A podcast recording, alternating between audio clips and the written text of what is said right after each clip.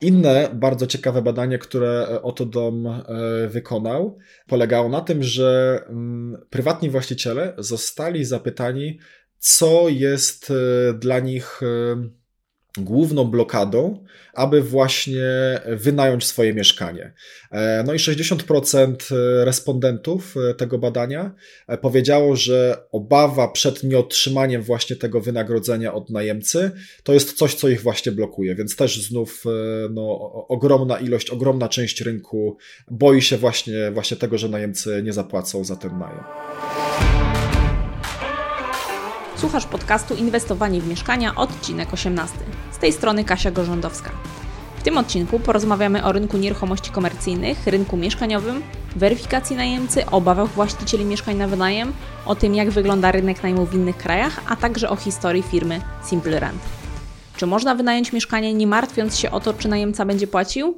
Wielu właścicieli mieszkań na wynajem uważa, że nie, ale większość z nich nie wie, czym aktualnie zajmuje się mój dzisiejszy gość. Jego firma rozwiązuje jeden z ważniejszych problemów, jeśli nie najważniejszy, na rynku mieszkań na wynajem. Jak odpowiednio zweryfikować najemcę, żeby nie mieć potem problemów z płatnościami. Warto dodać, że współpracuje z nim PZU, a z ich rozwiązań korzystają również fundusze inwestycyjne. Moim gościem jest Filip Dygas, absolwent budownictwa, były menedżer digitalizacji w deweloperskiej spółce biurowej Skanska, a obecnie współzałożyciel Simple Rent, startupu, który wprowadził standardy weryfikacji najemców mieszkań. Zapraszam do ciekawej rozmowy, w której Filip powie m.in. dlaczego warto śledzić rynek nieruchomości komercyjnych i gdzie to robić. Zaczynamy.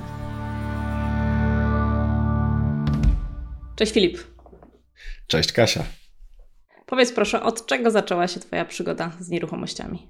Mm, moja przygoda z nieruchomościami w sumie zaczęła się dość e, dawno i taką pierwszą rzeczą, e, jaką robiłem w nieruchomościach, to było zajmowanie się mieszkaniem mojej cioci, e, mieszkaniem na wynajem właśnie w centrum Krakowa. E, no i ja jako student e, zajmowałem się właśnie wynajmem tego mieszkania i opiekowaniem się tym mieszkaniem, no i więc byłem takim mini, e, mini zarządcą mieszkania na wynajem właśnie dla mojej cioci, która na co dzień mieszkała za granicą. Mhm. A co studiowałeś? A ja studiowałem budownictwo, więc, e, więc e, też powiązane z nieruchomościami. E, I z ciekawostek na, na, tej, na tym etapie, na pierwszym stopniu skończyłem specjalizację mosty i budowle podziemne, czyli konstrukcje mostowe i budowle podziemne. No ale dość szybko zauważyłem, że raczej kariera projektanta to nie jest coś dla mnie, więc potem jak już szedłem w kierunku studiów magisterskich, E, to poszedłem bardziej w technologię organizację budownictwa jako coś właśnie bardziej związanego z szeroko rozumianym zarządzaniem. Mhm. Testowałeś, rozumiem, różne tutaj drogi po budownictwie.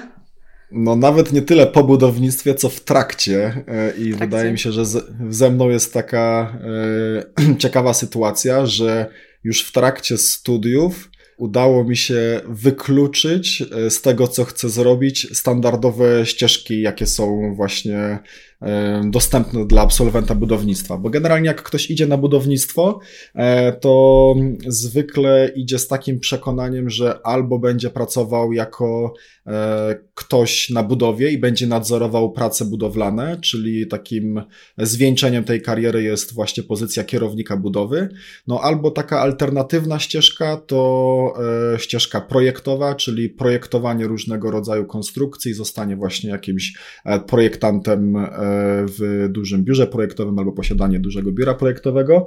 No i mi z sukcesem udało się e, po trzecim roku stwierdzić, że nie chcę robić żadnej z tej ścieżki, bo właśnie w trakcie studiów już zacząłem e, praktyki na budowie, pracowałem na budowie drogowej jako, jako asystent inżyniera, e, inżyniera budowy, potem też pracowałem na budowie drogowej, też stwierdziłem, że drogowa budowa nie jest dla mnie, więc wtedy stwierdziłem, że może spróbuję robić czegoś innego, czyli skorzystać z tej drugiej ścieżki, czyli projektowania, E, popracowałem przez e, pół roku właśnie w trakcie mm, trzeciego roku studiów w biurze projektowym.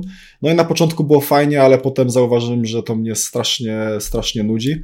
E, no i po pół roku stwierdziłem, że no, kariera projektanta również nie jest dla mnie. Mhm.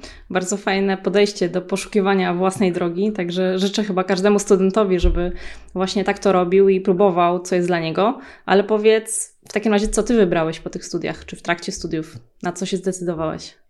E, więc e, właśnie tak jak przed chwileczką powiedziałem, ja po trzecim roku wiedziałem, że nie będę chciał robić na 100% żadnej z tych takich standardowych ścieżek, które właśnie są wybierane właśnie przez, przez studentów budownictwa. No i trochę zastanawiałem się, co dalej ze sobą zrobić. Myślałem dość długo i myślałem właśnie o różnych formach przebranżowienia na różne inne ścieżki. Zawsze interesowała mnie ta ścieżka więc tam robiłem różne rzeczy, próbowałem właśnie różnych, różnych inicjatyw, ale właśnie w, w trakcie, czy e, po czwartym roku um, udało mi się załapać na e, program praktyk studenckich. Tym razem e, to była spółka deweloperska, która e, budowała biurowce.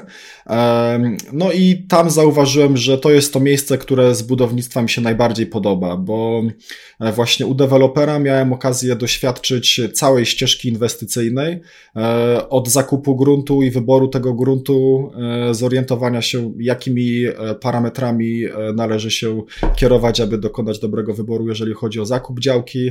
Potem też brałem udział w projektowaniu takiego obiektu biurowego, potem też brałem udział w, może nawet nie tyle bezpośrednio, ale też miałem okazję obserwować, jak wygląda proces budowlany, zarówno jeżeli chodzi właśnie o E, zarówno jeżeli chodzi o ten taki, to się nazywa Shellent Core, e, więc kurczę, nie wiem jak to powiedzieć. W każdym razie e, tą część taką skorupę budynku z częściami wspólnymi, mhm. ale tak na dobrą sprawę celem biznesowym dewelopera jest na koniec dnia e, właśnie w jakiś sposób skomercjalizować ten obiekt, e, więc tutaj brałem udział też w procesach wynajmu, bardziej właśnie jako taki obserwator i też wykańczania takich powierzchni biurowych pod konkretnych najemców. No i firma właśnie, w której pracowałem, jej model biznesowy opierał się na tym, że takie gotowe i wynajęte biurowce sprzedawała do e, funduszu inwestycyjnego, który właśnie chciał mieć takiego dużego gotowca inwestycyjnego. No i właśnie tam też e, brałem udział w procesie sprzedaży takiego biurowca do takiego funduszu inwestycyjnego. E, no, więc, więc tak to wyglądało, jeżeli chodzi mhm. o to, co postanowiłem robić po studiach i w trakcie w zasadzie. Brzmi jak mega e, szerokie doświadczenia w różnych obszarach tutaj tego rynku, tylko przede wszystkim z tego, co mówisz, to rynek e, nieruchomości komercyjnych, tak? Tak, Tym się tak, tak, przede dokładnie. Wszystkim? Dokładnie. Hmm. To, e, to była właśnie, to jest firma Skanska Property Poland. E, która właśnie buduje biurowce e, w zasadzie w, właśnie w Europie Środkowo-Wschodniej, w krajach skandynawskich i w Stanach Zjednoczonych. I ja właśnie hmm. byłem w tej spółce początkowo polskiej, która tutaj e, budowała biurowce w Polsce, a ja stricte pracowałem przy projekcie w Krakowie. Mhm. I co dalej? No i co dalej? No tak jak, e, tak jak, e, jak generalnie mam taką naturę, że dość szybko jak złapię o co mniej więcej chodzi w danym temacie, to e, szukam jakichś nowych ścieżek, które mogą mnie jakoś zainteresować. No i w sumie zauważyłem, że fajnie by było zrobić coś z tymi nowymi technologiami.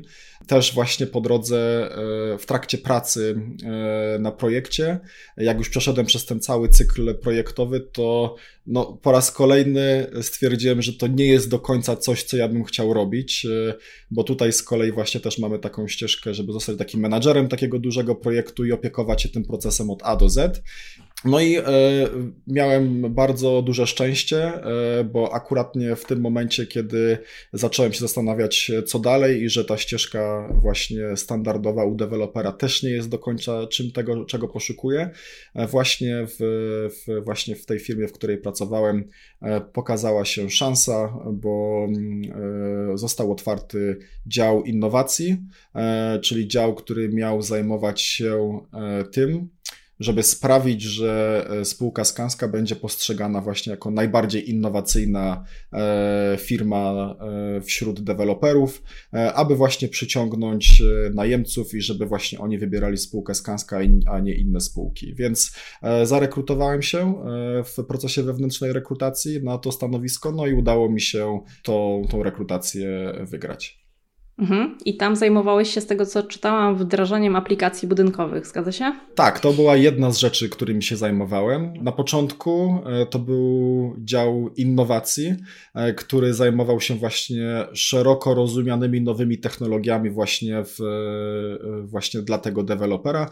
I na to składała się zarówno ta aplikacja, wdrażanie aplikacji budynkowej, czyli to jest taka aplikacja, która ma za zadanie ułatwiać życie pracownikom e, i firmom, które wynajmowały biura od właśnie Skanska. No i tam między innymi z elementów, które ułatwiały to życie, to były na przykład dostęp za pomocą smartfona do budynku zamiast karty plastikowej, e, zapraszanie gości do budynku i, za, i zarządzanie tymi wizytami za pomocą kodów QR e, lub też automatyzacja wjazdu na parking też z jakimiś rezerwacjami miejsc parkingowych, tak, tak w dużym uproszczeniu. Oprócz tego też e, zajmowałem się e, wdrożeniami e, takimi testowymi innych technologii. No i z takich technologii, z których jestem dumny, to udało mi się właśnie razem z super zespołem z projektu w Warszawie, który nazywa się Generation Park Y. To jest projekt, który właśnie e, ku ironii został wynajęty przez e, Towarzystwo Ubezpieczeniowe PZU w całości, które teraz aktualnie jest moim partnerem biznesowym. Więc e, na tym budynku udało nam się wdrożyć taki super system do analizy postępów e, prac budowlanych i działa to tak, że do tego systemu wgrywa się projekt budynku e, w 3D i jest to połączone z harmonogramem, więc wiadomo, kiedy każdy element tej, tej konstrukcji powinien być wykonany. I dodatkowo od właśnie dostawcy tego oprogramowania dostaliśmy takie kamerki 360. Należało właśnie w jakimś tam interwale czasowym raz na tydzień, raz na miesiąc wykonać przejście przez e, cały obiekt. E, no i wtedy to oprogramowanie dawało nam możliwość dwóch rzeczy. E, po pierwsze, pokazywało, czy prace idą zgodnie z harmonogramem, E, i to zastępowało inżyniera budowy, który chodził po prostu po, po obiekcie i sprawdzał, czy poszczególne elementy były poprawnie wykonane. E, no a po drugie, to oprogramowanie też e, dawało możliwość wyłapania elementów, które mogły być zrobione niezgodnie z, niezgodnie z projektem, który właśnie był, który właśnie był zrobiony. No, bardzo fajna spółka z Izraela. E, super technologie robią, no i bardzo szybko się rozwijają, więc, więc z tego jestem bardzo zadowolony też. Mhm. Mega ciekawe rzeczy opowiadasz, zupełnie nieznane jeszcze w rynku mieszkaniowym. E, teraz działasz na rynku mieszkaniowym wraz ze swoją obecną firmą i zastanawiam się, jak to się stało, że właśnie z tych nieruchomości komercyjnych trafiłeś do mieszkaniówki. No to jak zwykle właśnie moje szczęście e, się tutaj ukazuje, bo właśnie jak już przeszedłem do tego działu nowych, do, tych, do, do działu nowych technologii, do działu innowacji, no to też jedną z rzeczy, jakie, jakie robiłem, e, to było poszukiwanie różnego rodzaju nowych technologii, które mogą przydać się właśnie firmie E, firmie Skanska w tym, żeby właśnie albo usprawniać jakieś wewnętrzne procesy, e, albo żeby właśnie zdobyć przewagę konkurencyjną na, na rynku. No i aby tych technologii poszukiwać, no to oczywiście robiłem tak zwany desktop research, czyli dużo googlowania i sprawdzania, co tam ciekawego dzieje się na rynku. No ale oprócz tego też jeździłem na różnego rodzaju konferencje e, właśnie startupowe, na których było dużo spółek technologicznych, które pokazywały właśnie właśnie e, fajne rzeczy. No i na jednej z e, konferencji miałem właśnie taką sytuację, że zaprosił mnie na to spotkanie znajomy z funduszu inwestycyjnego, który właśnie był e, partnerem e, Skanska i on po prostu, jak miał coś ciekawego na oku, no to zapraszał mnie po prostu na różnego rodzaju właśnie wydarzenia. No i zostałem zaproszony właśnie jako reprezentant Skanska na taką konferencję w Niemczech. Na tej konferencji właśnie prezentowały się różne startupy startupy. I po tej konferencji Właśnie mówię do tego mojego kolegi, słuchaj Maciek, może poszlibyśmy sobie tak po prostu na jakąś kolacyjkę, coś tam pogadać, spędzić trochę czasu, bo i tak pewnie nie ma nic innego do roboty niż, niż właśnie coś tam siedzieć, pogadać.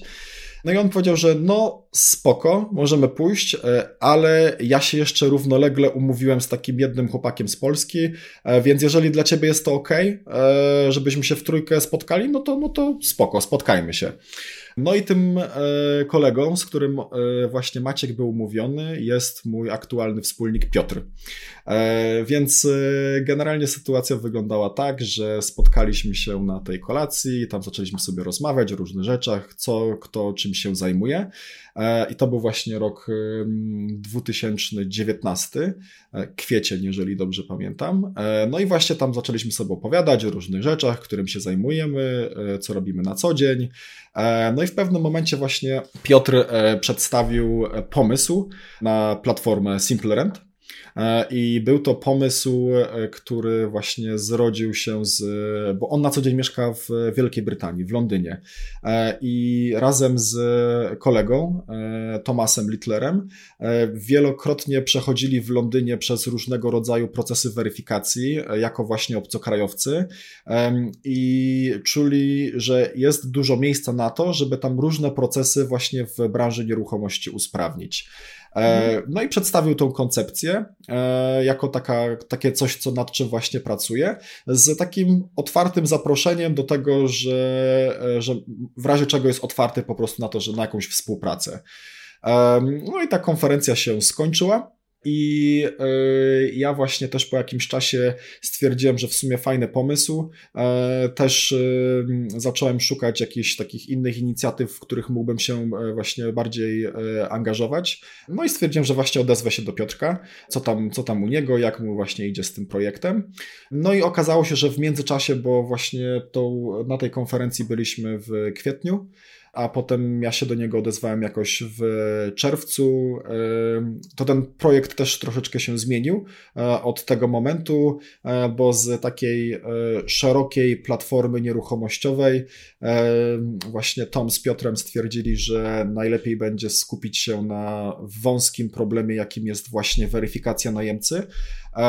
No i w sumie zaczęliśmy o tym gadać. Mi się to spodobało też pod tym kątem, że jak chce się wynająć nieruchomość komercyjną, jakieś biuro, jakiejś firmie, to też jednym z elementów jest zweryfikowanie, czy finanse tej firmy pozwalają na to, żeby zawrzeć długoletnią i stabilną umowę, no bo tego oczekują fundusze inwestycyjne, które kupują takie, takie obiekty. Więc też tutaj zobaczyłem taką, takie coś e, podobnego dla tych dwóch e, segmentów rynku. No i zaczęliśmy razem właśnie pracować od tego lipca. I tak, taka w zasadzie była geneza tego, tego, tego, tej naszej platformy SimpleRent. Mhm. I tego Twojego przejścia z komercji do mieszkaniówki. Tak, dokładnie tak. No właśnie to też yy, yy, było dla mnie o tyle ciekawe, że właśnie na co dzień pracowałem w tej komercji, ale dalej cały czas zajmowałem się mieszkaniem yy, mojej cioci. Tam też zaczynałem jakieś tam procesy zauważać, też zacząłem zauważać jakieś problemy z tymi najemcami, więc no bardzo się to wpasowało w takie, w, w to, co ja robiłem na co dzień.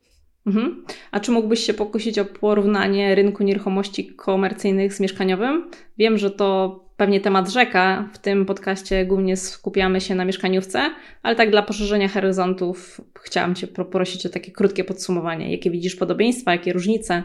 Jak Ty to odczułeś, jak przeszedłeś z jednego do drugiego segmentu? E, znaczy, to ja bym bardziej, e, to jeżeli chodzi o porównanie, to nie wiem, czy to będzie porównanie jako takie, ale na pewno bym powiedział, że e, nieruchomości komercyjne to jest najbardziej sprofesjonalizowany segment nieruchomości. Mhm. Najwięcej mamy tam różnego rodzaju produktów około, około nieruchomościowych.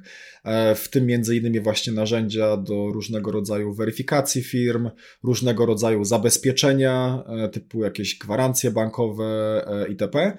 I generalnie wydaje mi się, że wszystkie rynki, e, wszystkie segmenty dążą w kierunku, żeby stać się jak najbardziej profesjonalne, więc wydaje mi się, że obserwowanie i właśnie takiego rynku, jakim są e, ogólnie nieruchomości komercyjne, jest taką fajną gwiazdą polarną, e, aby myśleć, w jakim, w jakim miejscu za jakiś czas mogą wylądować nieruchomości właśnie mieszkaniowe, co też fajnie pokazują rynki zagraniczne, które są właśnie lepiej rozwinięte od, od rynku właśnie polskiego, typu na przykład rynek brytyjski albo rynek niemiecki, gdzie widzimy, że to właśnie ta profesjonalizacja postępuje i idzie właśnie w takim kierunku, aby dostarczać taką jakość jak na rynku komercyjnym. Mhm. A gdzie można szukać takich informacji, co się dzieje na rynku nieruchomości komercyjnych? Oprócz google.pl. No właśnie miałem powiedzieć google.pl, ale ostatnio mi powiedzieli, żebym nie żartował za dużo, bo za dużo żartuję, więc stwierdziłem, że nie będę rzucał żartu z google.pl. Z takich portali polsko-europejskich, chyba nie pamiętam, czy oni też mają zakres e, europejski, to jest taki portal Property News się nazywa. E, mhm. i na tym portalu można znaleźć informacje e, o nieruchomościach komercyjnych, o logistyce, też o hotelarstwie, du dużo tam jest tego typu informacji, też teraz biorąc pod uwagę, że w szczególności w Polsce coraz więcej mamy tych tak zwanych operatorów PRS, czyli fundusze inwestycyjne, które kupują duże pakiety mieszkań na wynajem, e, no to też coraz więcej właśnie na to Property News przebija się informacji właśnie o tym sektorze mieszkaniowym, ale bardziej z perspektywy właśnie tych, e, tych wynajmujących instytucjonalnych, tych PRS-ów. Więc mhm. myślę, że to jest dobry adres, żeby, żeby tam szukać informacji. Propertynews.pl zalinkujemy w notatkach. Tak jest. E, za chwilę chciałabym Cię zapytać o to, jak wygląda rynek najmu w innych krajach, bo już sam wspomniałeś, że ten temat mhm. też masz zeksplorowany. Ale zanim o tym porozmawiamy, chciałabym Cię zapytać właśnie o Simple Rent. Rozwiązujecie jeden z głównych problemów na rynku najmu, to jest weryfikacja najemcy. E, na ten temat rozmawiałam już w odcinku numer 3 dotyczącego zarządzania najmem z Grzegorzem Krajewskim i w odcinku dotyczącym skutecznego wynajmu z Mateuszem Brejtą. Też wspominaliśmy o Simple Rent w tych e, dwóch rozmowach. Zalinkuję do tych podcastów e, w notatkach. I chciałam Cię zapytać, w jaki sposób Simple Rent konkretnie pomaga właścicielom mieszkań w tym obszarze weryfikacji? Mm, w tym obszarze y, dajemy właścicielom narzędzie, dzięki któremu mogą w bardzo prosty sposób i bez dyskomfortu dla siebie e, pozyskać e, informacje, do których nie mieliby dostępu. A to wszystko przy dbaniu o prywatność najemcy.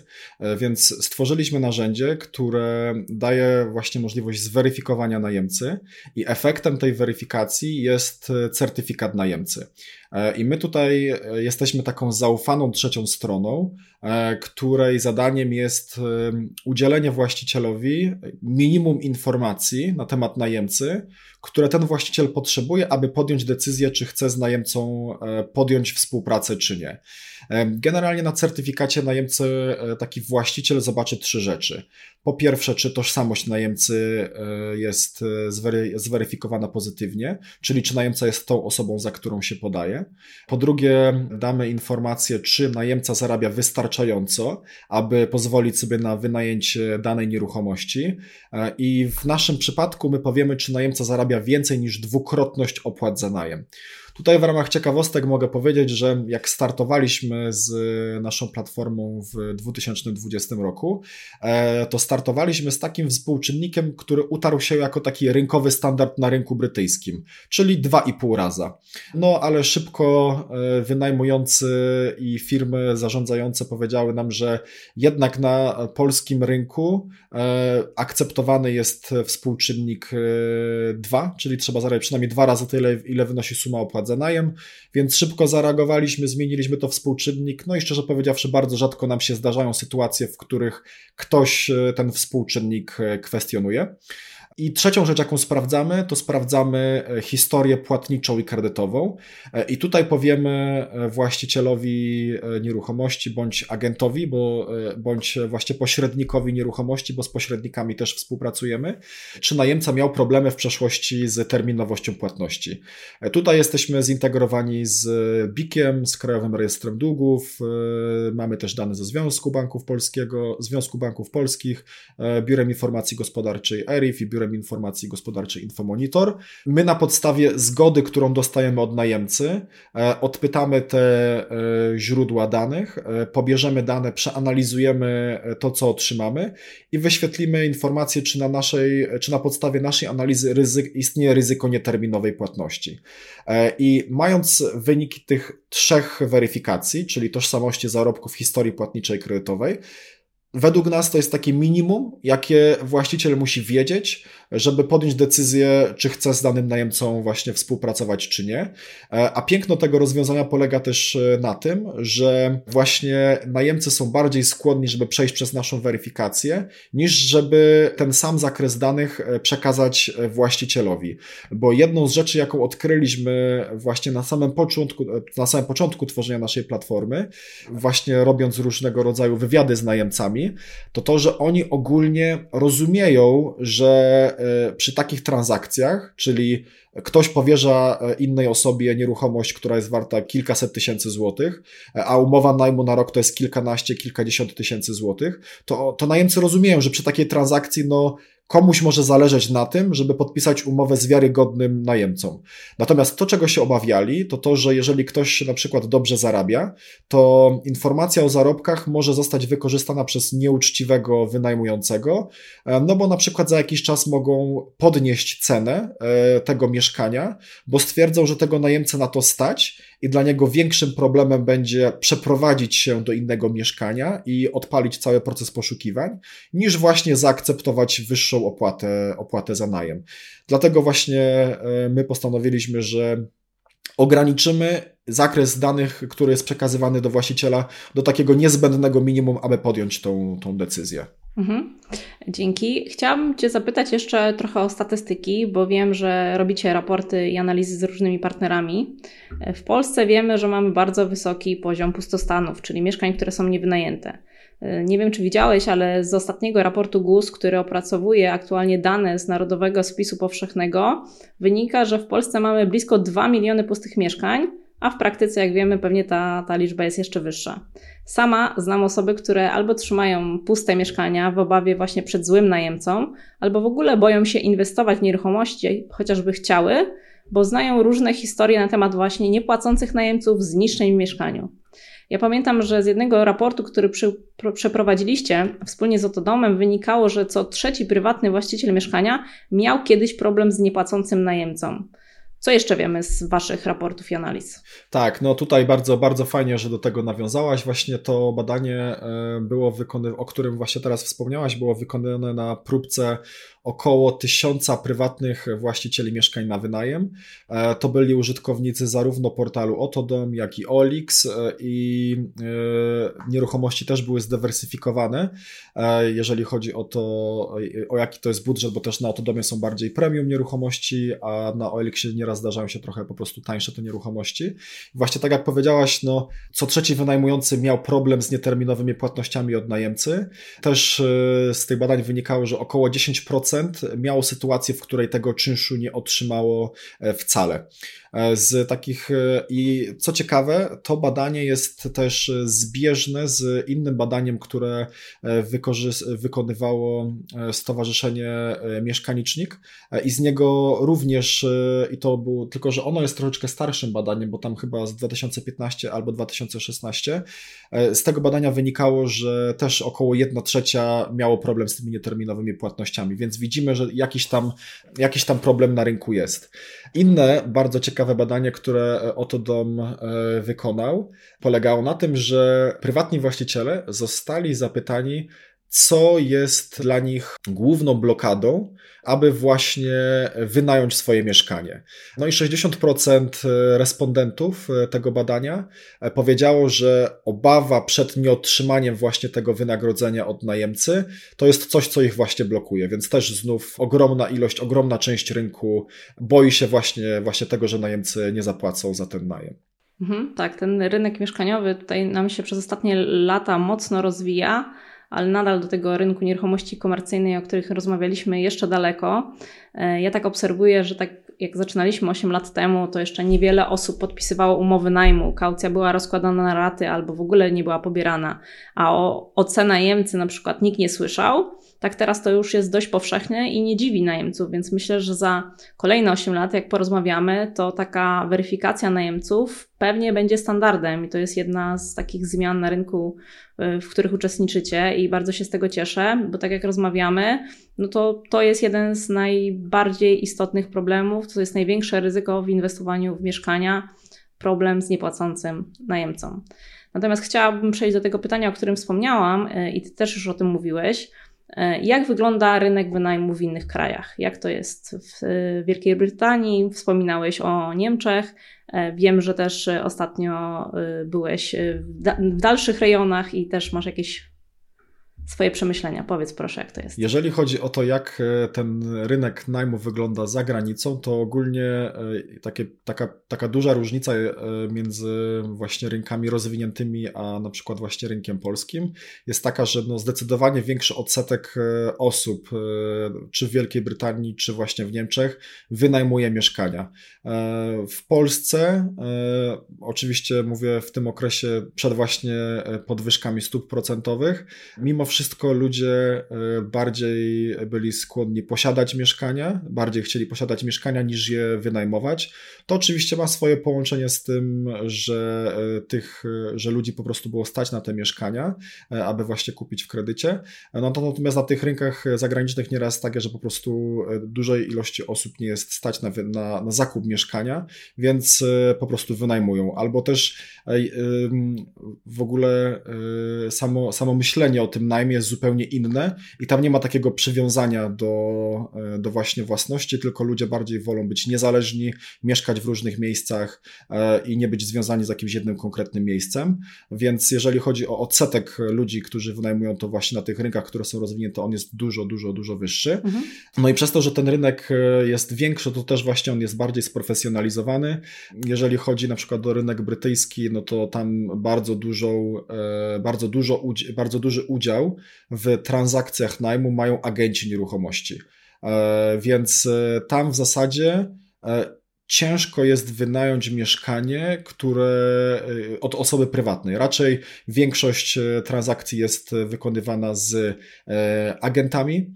E, przez to, że ten rynek też jest taki e, profesjonalizujący się, to też właśnie powstaje dużo firm, które robią różne, różnego rodzaju rzeczy dla tego rynku. Bo właśnie mogą być rozwiązania, które pomagają rozwiązać problem weryfikacji najemców. Też są firmy, które na przykład są zatrudniane tylko po to, żeby wykonać protokół zdawczo-odbiorczy jako dodatkowa usługa, czyli robimy e, sprawdzenie przed wynajęciem, po wynajęciu. Jest oddzielna, bezstronna strona, która wykonuje takie, takie coś. Są też różnego rodzaju właśnie e, produkty ubezpieczeniowe, które mogą zabezpieczyć transakcję najmu, więc to jest taka duża różnica właśnie między rynkiem e, polskim, który jest na tym etapie rozwoju, a takimi rynkami, które są już, już są rozwinięte.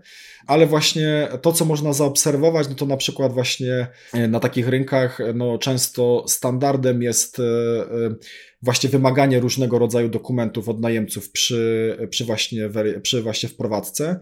E, standardem jest właśnie wymaganie dokumentów o zarobkach najemcy. E, standardem e, na przykład w Niemczech jest wymaganie od najemcy raportu z, nie pamiętam czy to jest firma, czy to jest instytucja, ale to się nazywa SZUFA, czyli to jest coś jak taki raport o niezaleganiu z płatnościami i pewnie słuchacze, którzy wynajmują w Warszawie albo w jakichś większych miastach i na przykład robią, mają mieszkania dla e, obcokrajowców, którzy przejeżdżają na jakieś kontrakty e, do Polski właśnie z Wielkiej Brytanii albo z Niemiec albo z Francji, no mogli się spotkać z sytuacjami, gdzie na spotkanie najemca już przychodzi z teczką dokumentów, bo on jest przyzwyczajony do tego, w jaki sposób on wynajmuje właśnie w Londynie e, i on ma taką samą gotową teczkę dokumentów z zaświadczeniem od pracodawcy, z referencjami od pracodawcy, gotową, żeby okazać właścicielowi, żeby się uwiarygodnić przed takim właścicielem. Jeżeli chodzi o na przykład ten rynek trzeci, o którym wspomniałaś, e, czyli ten, e, gdzie byłem ostatnio na wycieczce. Egzotyczny. Egzotyczny kierunek e, rynku najmu w Dubaju. To informacje, jakie ja teraz podam, to są informacje na podstawie właśnie takiej kilku rozmów, jakie odbyłem na targach technologicznych JITEX. E, to są targi, na, które, na których właśnie byliśmy w, w, w tym miesiącu, w październiku. E, wygraliśmy konkurs na e, Europejskim Kongresie Gospodarczym, taki startupowy, i tam jedną z nagród właśnie było wyjazd na te targi razem z udziałem w konkursie startupowym. I tam właśnie miałem dwa cele troszeczkę. Znaczy miałem dwa cele e, na tym, na, tych, na, tych, na, ty, na tym wyjeździe. Po pierwsze, właśnie zaprezentować nasze rozwiązanie na, e, w tym konkursie startupowym, a po drugie, właśnie zobaczyć, jak działa ten rynek e, nieruchomościowy, rynek najmu, aby sprawdzić, czy jest to miejsce, w którym moglibyśmy za, zaimplementować to, to nasze rozwiązanie. No bo oczywiście też myślimy długofalowo i zastanawiamy się, na jaki kolejny rynek po prostu powinniśmy wejść z, z naszą platformą. E, I e, po kilku rozmowach e, z właśnie osobami, które tam robią rzeczy w nieruchomościach, między innymi też poznaliśmy osobę, która robi też technologię dla mieszkaniówki, tylko że właśnie w Dubaju. No, dos- okazuje się, że tam bardzo dużo transakcji najmu jest opłacanych z góry. Więc e, ryzyko niepłacenia przez najemcę jest e, minimalizowane w ten sposób, że po prostu tam często wynajmujący biorą opłatę za cały okres trwania najmu z góry. Więc to było dla mnie też ciekawe. Mhm. Na, też... jakie okresy, na jakie okresy podpisują? Roczne, to jest na 12? Roczne. Mhm. 12 miesięcy. Tak, roczne, dokładnie. Mhm. Też z, kilku, z kilkoma osobami, jakimi rozmawiałem, to też mi właśnie wspominały, że umowę najmu e, tam podpisuje się na rządowym wzorze. E, I jest rządowy wzór, który właśnie definiuje takie podstawowe warunki umowy najmu, i po zawarciu tej umowy najmu, tą umowę też trzeba e, zarejestrować w odpowiednim miejscu. Ja nie pamiętam dokładnie nazw tych miejsc, ale pewnie to można sobie sprawdzić.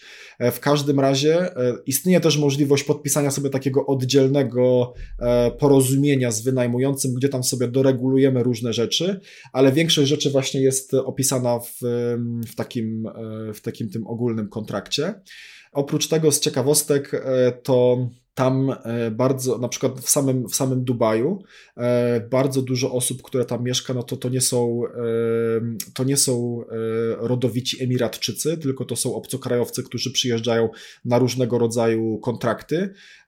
I tam im bardzo zależy na tym, żeby nie być na bakier właśnie z, z przepisami, aby właśnie nie zostać wydalonym stamtąd, no bo tam, jak pewnie wiadomo, prawo jest surowe, i jedną z takich rzeczy, która mnie też bardzo zaskoczyła, to to, że właśnie często za te e, transakcje e, trzeba, za te transakcje najmu, czy to z góry, czy czasem zdarza się płać, e, czasem się zdarza, że można zapłacić kwartalnie, trzeba to zrobić czekiem też właśnie słyszałem, że jeżeli ten czek nie przejdzie, no to e, albo jak nie, nie wykonamy takiej opłaty, no to to jest tam przestępstwo poważne, no i możemy mieć w związku z tym bardzo duże problemy, e, więc generalnie wszystkim zależy e, na tym, żeby te należności regulować i żeby nie mieć po prostu problemów z lokalnymi władzami. Więc w zasadzie mhm. no, ten, ten problem niepłacenia jest rozwiązany w taki sposób, że a płatność jest z góry, e, no a B, że no, e, penalizacja te, te niepłacenia jest bardzo surowa. Tam nie ma ochrony lokatorów niepłacących. W to nie wchodziłem szczegółowo, ale wydawa- jak z, z, rozmawiałem z wieloma niezależnymi osobami dało się odczuć, że tam tak jakby tego problemu nie ma. Mhm. Tak, bardzo mi się podoba to, co opowiadasz, ponieważ jest szansa, że to, co jest w innych krajach, to, co jest na tym rynku nieruchomości komercyjnych, dotrze też do nas w którymś momencie. W tej chwili w Polsce, chociażby przy braniu jakiegokolwiek kredytu, trzeba w banku przedstawić sporo dokumentów. Często również przy wynajmie długoterminowym auta jest lista dokumentów, które trzeba mm, przedstawić. A w momencie, kiedy oddajemy najemcy mieszkanie, które jest warte 200, 400 czy 600 tysięcy, no to nie robimy takich rzeczy. I pytanie dlaczego? Także bardzo mi się podoba, że, że to idzie w takim kierunku, żeby jednak weryfikować tych najemców, żeby przedstawiali dokumenty, żeby to była naturalna sprawa i tak jak mówisz, żeby była tateczka z dokumentów, z, którym, z którymi się przychodzi już do, do właściciela mieszkania. A powiedz mi, czy w Simple Rent zweryfikujemy u Was tylko Polaków, czy też osoby z zagranicy? Weryfikujemy wszystkich e, i Polaków, i obcokrajowców. Weryfikowaliśmy osoby z tak egzotycznych regionów jak właśnie e, Oman, Brazylia, Japonia. No i oczywiście też biorąc pod uwagę, że w ostatnim czasie mamy bardzo dużo napływowych osób z Ukrainy, z Białorusi, no to jak najbardziej my weryfikujemy też najemców z tych krajów. E, zarówno nasz system jest dostępny po polsku, angielsku i ukraińsku, ale też nasz, nasz zespół wsparcia klienta może każdego najemcę wesprzeć e, właśnie po polsku, angielsku, e, ukraińsku i rosyjsku. Mhm. A jeśli chodzi o bazę dłużników, to planujecie też integrację z tymi zagranicznymi systemami? Tak, tak, tak. Pracujemy nad tym. Mhm, czyli na razie zweryfikujemy tożsamość, zweryfikujemy zarobki takiej osoby z zagranicy, a jeśli chodzi o bazę dłużników, no to jeszcze chwilę musimy poczekać, rozumiem. Jeżeli chodzi o bazę dłużników, to my obcokrajowców też e, weryfikujemy w tych polskich e, bazach, e, tych, które wspomniałem wcześniej. I tutaj już mieliśmy sytuację, że obcokrajowcy, którzy już jakiś czas są w Polsce, no mieli już coś wpisane na swój temat, więc my ogólnie rekomendujemy, żeby weryfikować każdego. No ale oczywiście, jeżeli wiecie, że osoba, z którą rozmawiacie, dopiero co przyjechała do Polski, no to tak, w tych rejestrach po prostu e, nic nie będzie. Jeszcze A tutaj jeszcze trochę mhm. uzupełniając to, co ty powiedziałaś, że fajnie będzie, jakby e, wszyscy przychodzili z tą swoją teczką, no to my oczywiście pracujemy nad tym, żeby nie było tej teczki. My pracujemy nad tym, żeby właśnie certyfikat najemcy był takim e, wyznacznikiem wiarygodności jako najemcy na rynku i żeby najemcy właśnie legitymowali się naszym certyfikatem najemcy e, przed wynajmującymi. No to musi być w teczce, żeby się nie pogniótł. Będzie online. Okej. Okay. Chciałabym też powiedzieć tutaj w podcaście, że współpracujecie z Sonem, czyli systemem obsługi najmu. Na ten temat rozmawiałam też z Rafałem Paluchem w 18 odcinku podcastu, też o Was wspominaliśmy. Natomiast dla mnie osobiście to było e, odkrycie, jak pamiętasz, po rozmowie z Tobą, że jesteście już zintegrowani. Wzięliście też z Sonem e, udział w konkursie mieszkanicznika na innowacje roku, także widzę, że te innowacje tutaj w Twoim życiu zawodowym się kręcą cały czas. E, zebraliście z tego co wiem najwięcej głosów, także gratuluję. Mam nadzieję, że wygracie ten Super. konkurs. E, I Dzięki powiedz po, proszę pokrótce, jak działa ta integracja e, z Sonem? Integracja z Sonem. W ogóle tutaj pozdrowienia Rafał dla Ciebie. Fajnie się z Wami Pozdrawiamy Rafała. Mam nadzieję, że długa, długa współpraca przed nami. Więc współpraca między Simple Rent a Son polega na tym, że użytkownicy korzystający z właśnie Sona, systemu obsługi najmu, mogą usprawnić właśnie kilka procesów, e, które na co dzień wykonują. E, pierwszy proces to jest właśnie weryfikacja najemcy e, i usprawnienie tutaj polega na tym, że integrujecie sobie konta jako użytkownicy Sona z kontem SimpleRent e, i zaproszenie do weryfikacji wysyłacie z poziomu systemu obsługi najmu. Więc nie musicie wychodzić do zewnętrznego systemu, aby tam właśnie wysłać zaproszenie do weryfikacji do najemcy, potem tam sprawdzać, potem pobierać ten certyfikat i go wrzucać w Sona. E, generalnie z poziomu Sona klikacie w zakładce ubezpieczenia i najemcy przycisk zaproś najemcę do weryfikacji, podpinacie odpowiedniego najemcę, podpinacie odpowiednią nieruchomość i najemca od razu otrzymuje zaproszenie do procesu weryfikacji.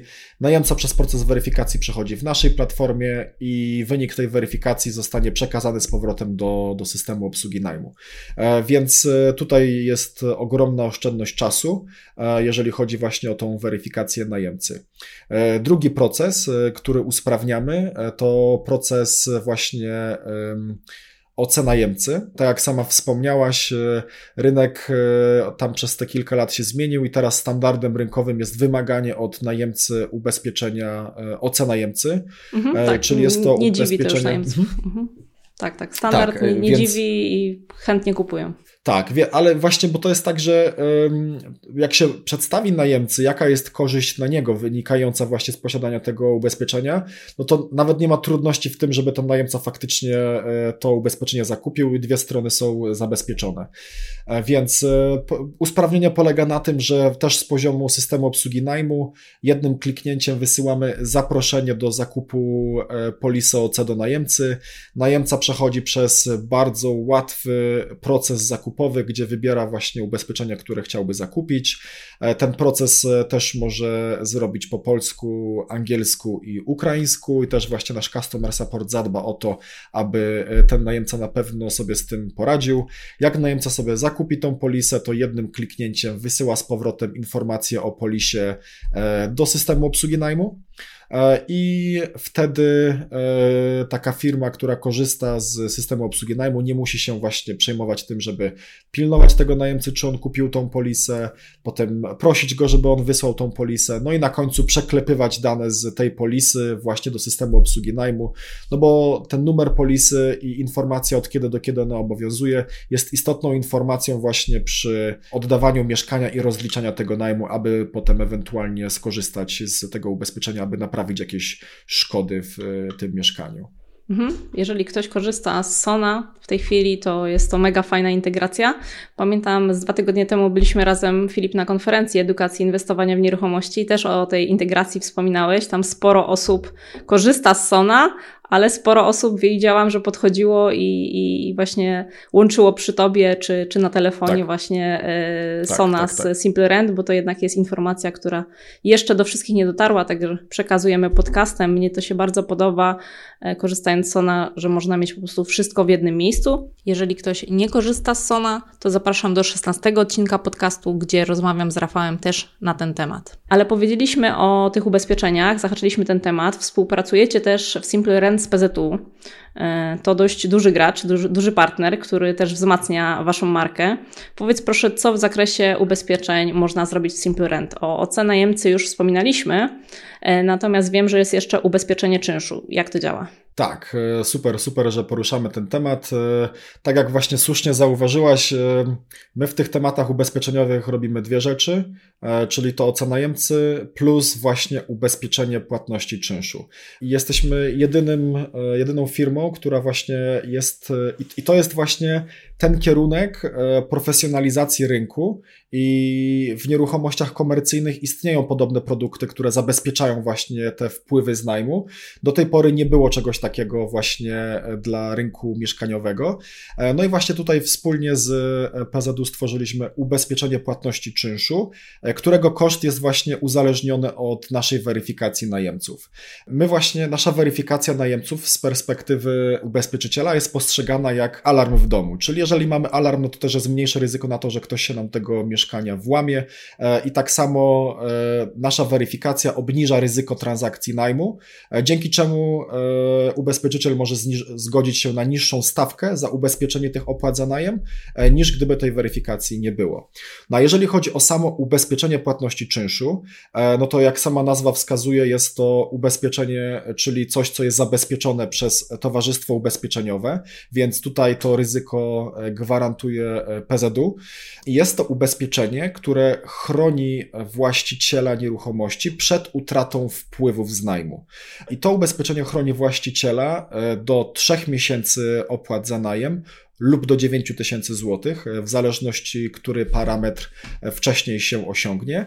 E, więc w sytuacji takiej, gdy właśnie najemca przestanie nam płacić, no to możemy sobie z, skorzystać z tego ubezpieczenia, oczywiście przy zachowaniu odpowiednich warunków i zabezpieczyć sobie to, że to nasze mieszkanie będzie cały czas pracowało, niezależnie od tego, czy ten najemca nam zapłaci, czy nie. Mhm, ale tak jak wspomniałeś, to ubezpieczenie płatności czynszu nie wymaga tego certyfikatu najemcy, tylko po prostu drożej kosztuje. Czyli jeżeli ktoś będzie chciał sobie taki czynsz ubezpieczyć, to również PZU coś takiego oferuje. Tak, dokładnie. To jest do zakupu przez naszą stronę internetową.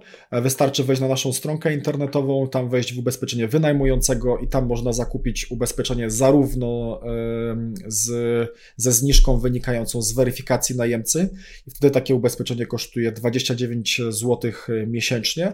Natomiast jak ktoś chce sobie kupić samo ubezpieczenie bez weryfikacji najemcy, no to wtedy taka polisa kosztuje 600 zł rocznie rocznie, więc dzięki weryfikacji możemy zaoszczędzić ponad 250 e, zł rocznie na, na właśnie samej polisie, ale jak najbardziej można e, obydwie, obydwie wersje zakupić przez naszą stronę internetową. Mhm. Dzięki. Wiem, że najpierw planowaliście działać tylko z klientami indywidualnymi, czyli takimi zwykłymi e, właścicielami mieszkań na wynajem, ale rozszerzyliście teraz swoje działania również na klientów firmowych. Dlaczego? No, to tutaj małe sprostowanie, nie teraz, ale już od jakiegoś czasu. E, I tak, faktycznie na samym początku myśleliśmy, że e, głównie będziemy współpracować z prywatnymi właścicielami mieszkań na wynajem. Natomiast e, wkrótce zauważyliśmy, że musimy współpracować z każdą stroną rynku i musimy, bo to nasze rozwiązanie pomaga w zasadzie każdemu, bo i fundusze inwestycyjne, które potrzebują w sposób systemowy zarządzić sobie ryzykiem właśnie przy takich najemcach, I tak samo podobną percepcję mają prywatni właściciele. Oni też jak gdyby e, minimalizują swoje ryzyko e, takie finansowe. Natomiast oprócz tego oczywiście współpracujemy z pośrednikami w obrocie nieruchomości, którzy też chcą zapewnić jak najlepszą usługę swoim klientom, których reprezentują. No i też współpracujemy z samymi najemcami, bo naszym celem naprawdę jest to, aby na koniec dnia i najemca był zadowolony z całego procesu. I jeszcze współpracujecie z firmami zarządzającymi najmem. A jak nie powiedziałem, to przepraszam. Tak, tak mi się wydaje. Współ... Zacząłeś okay, od dobra. funduszy i wydaje mi się, że nie. A faktycznie, przeskoczyłem na ten, przeskoczyłem na prywatnych wynajmujących. Masz rację. Czyli tak, tak, tak. E, fundusze inwestycyjne, firmy zarządzające mieszkaniami na wynajem, e, pośrednicy nieruchomości, prywatni wynajmujący i najemcy. Duża grupa właściwie. Ca cała grupa. Duża grupa duża grupa, e, każdy ma troszeczkę inne potrzeby, ale mamy to fajnie poukładane, że wszystkie potrzeby trafiamy. Mhm. Opowiedz mi, jakie są obawy w takim razie Waszych klientów i jakie rozwiewacie? Taka pierwsza, która mi przychodzi do głowy, to pewnie bezpieczeństwo danych. Trochę już o tym mówiłeś, ale raczej o w drugą stronę, że najemca pokaże właścicielowi dane i on je wykorzysta. Natomiast wiem, że też mogą być takie obawy, co jeżeli Wam pokażemy te dane, jak Wy te dane przetwarzacie i jak je zabezpieczacie, a może są jeszcze jakieś mhm. obawy, które, które możesz e, przedstawić i rozwiać. E, jak zaczęliśmy budowę tego narzędzia do weryfikacji najemcy, no to wiedzieliśmy, że właściciele będą chcieli wiedzieć bardzo dużo i oni najchętniej to by wszystko wiedzieli o tym najemcy. Natomiast najemca ma dokładnie odwrotny interes, więc my właśnie musieliśmy stworzyć taki mechanizm, e, który będzie dawał to minimum danych, które taki właściciel potrzebuje. Więc taką pierwszą rzeczą, jaką my właśnie robimy dla najemców, to ta minimalizacja danych przekazywanych do właściciela. Ale do Was nadal sporo danych musi prze przekazać najemca. Tak, do nas dalej musi sporo tych danych przekazać i my jesteśmy tą zaufaną trzecią stroną. I to, co my robimy, to my, e, my nie zarabiamy na tych danych, e, my nie sprzedajemy tych danych. E, to, co my robimy, to właśnie my agregujemy, wyświetlamy odpowiedni status, więc naszą, to, co my robimy, aby obniżyć ryzyko jakichś tam potencjalnych wycieków, to my cyklicznie anonimizujemy i usuwamy wrażliwe dane osobowe z naszej bazy danych. To jest najbardziej skuteczna metoda.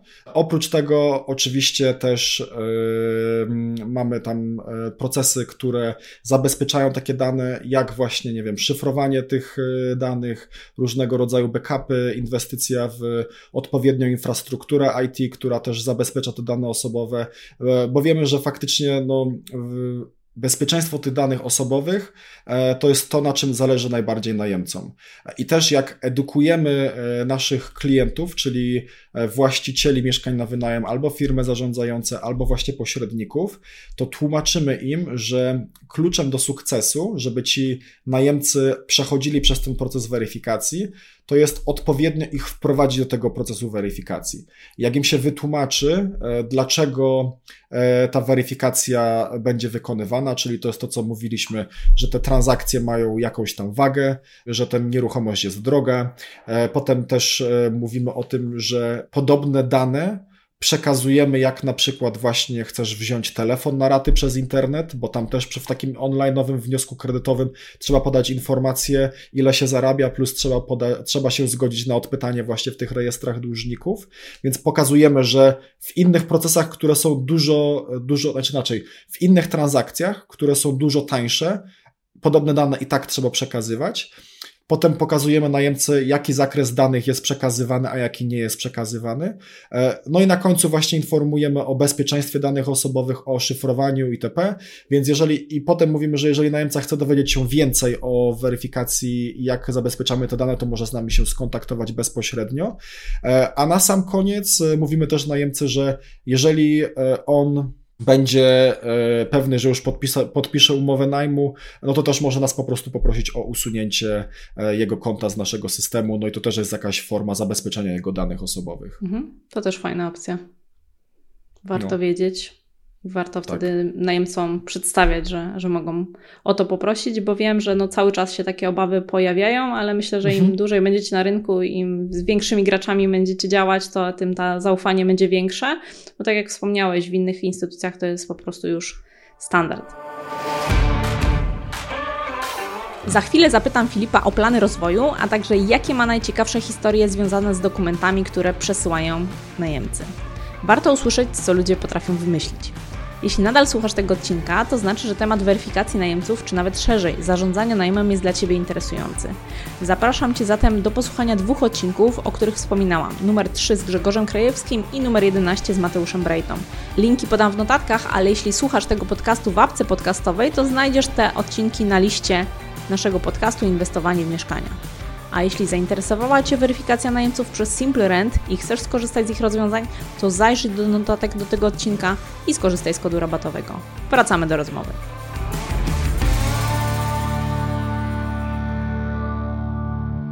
Zastanawiam się, w jaki sposób planujecie rozwijać dalej Simple Rent, bo macie, uważam, dość fajnie to już wszystko opracowane, e, ale tak jak już wspomniałeś, e, planujecie się łączyć z bazą dłużników w innym kraju.